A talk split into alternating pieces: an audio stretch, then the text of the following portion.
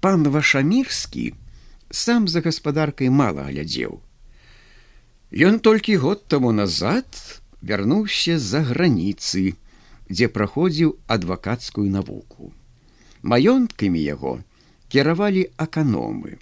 Ён больш за ўсё цікавіўся сваёй новай справай тэатрам. Гэта мастацтва ён да вар'яцтва полюбіў яшчэ ў парыжы, калі закахаўся у адну прыгожую францужанку акторку. Як вярнуўся на бацькаўшчыну у родны маёнтак, пан вашамірскі задумаў наладзіць свой уласны тэатр.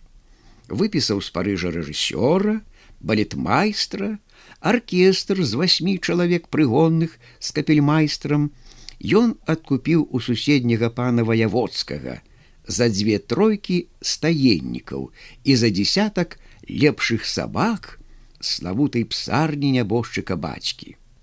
Падабраў са сваіх хлопаў хлапцоў і дзяўчат, і адчыніў студыю. Пан вечна знаходзіўся ў студыі, бо прыходзілася яму быць тлумачом паміж французамі і студыйцамі. Хаця французы трохі ведалі па-польску, але згаварыцца студыйцамі, якія зналі добра толькі па-хлопску, ім было цяжка. Сёння пана вашамірскага адарвалі ад улюбёнай працы ў студыі Цівун нагу зламаў якраз у самы гарачы час працы на полі. Аканом падняў такі шум, што пан адлажыў студыю і ўзяўся за гаспадарчую справу. Пакараць вінаватага сымона. Пан яшчэ ў дзень паслаў ганцоў ва ўсю ваколіцу шукаць яго. Цяпер абдумваў вельмі важную справу. Як жа пакараць хама? у канцы вырашыў усыпаць добрых бізуноў і аддаць у салдаты. Пасля гэтага думкі яго зноў скіраваліся нібы хмары ветрам у другі бок да тэатра. Ён толькі сёння заўважыў нешта вельмі цікавае, знайшоў можна сказаць скарб.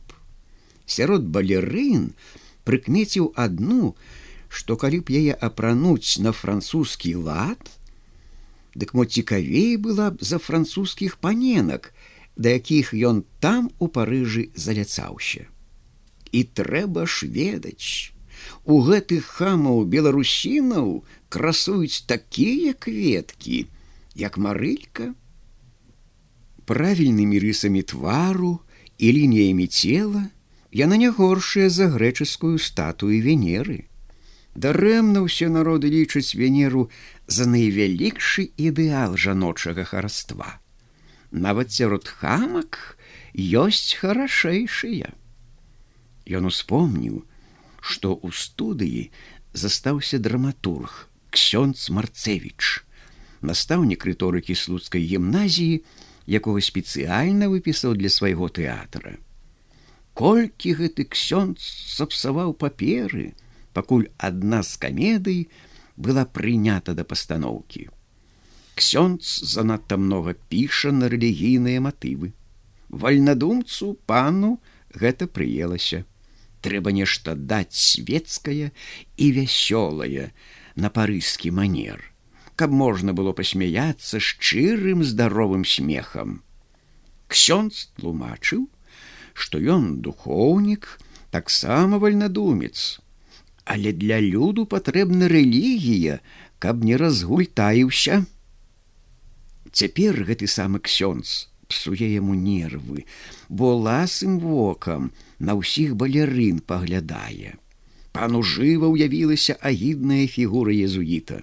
Высокі, крыху сутулы, светла-шэрыя хітрыя вочы яго пастаянна усміхаюцца заўсёды вочы як бы кпяць цябе пранізваюць наскрозь з табою ён ва ўсім згодзен але відаць што ні з чым не згаджаецца апроч грошай а ў выпадку патрэбы калі толькі ён можа мець ад гэтага карысць на агонь цябе ўзвядзе альбо нож у бок суне езу марыя з вуснуў ксяндза не зыходзіць небяспечны чалавек, падумаў пан, прывязаўся да маіх дзяўчат і да маіх грошай.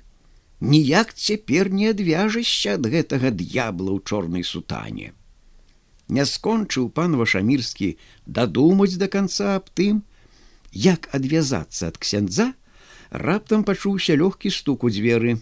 Хто там? — крыкнуў пан, яснавяльможны пане адклікнуўся ўслужлівы голас прывялі хлопа пан выйшаў у пярэдні пакой перад ім стаялі тры разгарачаныя гайдукі яны трымалі сымона са звязанымі вяроўкай рукамі за плечы сымон быў без шапкі са скаламачнымі валасамі у падранай вопратцы з акрываўленым апухлым тварам дзіка кідаў вочы на пана, як заскаваны звер.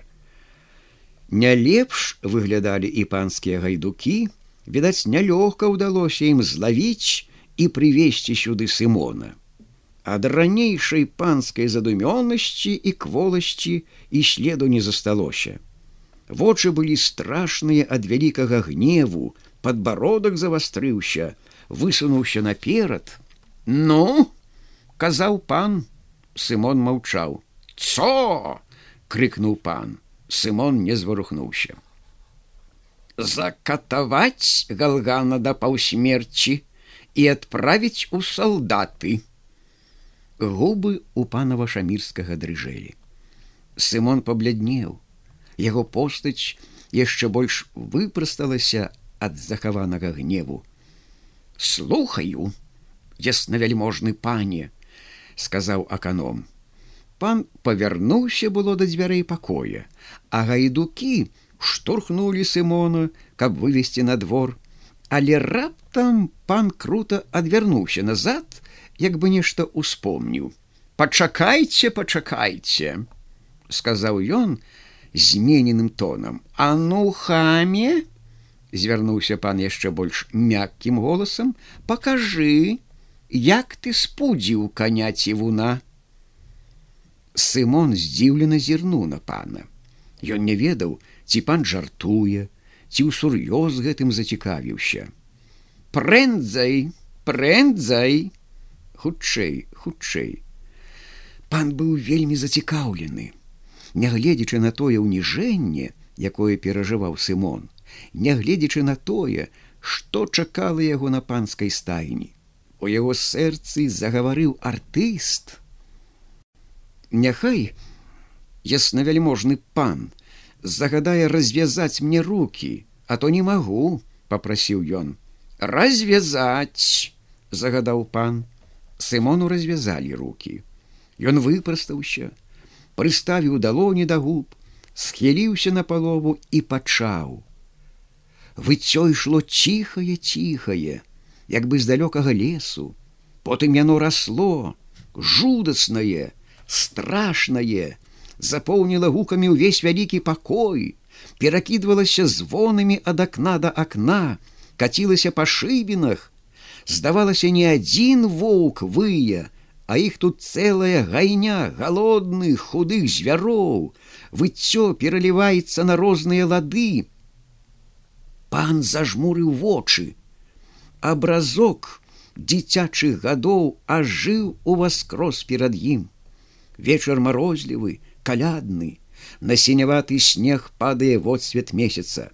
На гурбах абапал дарогі мігацяць іскры.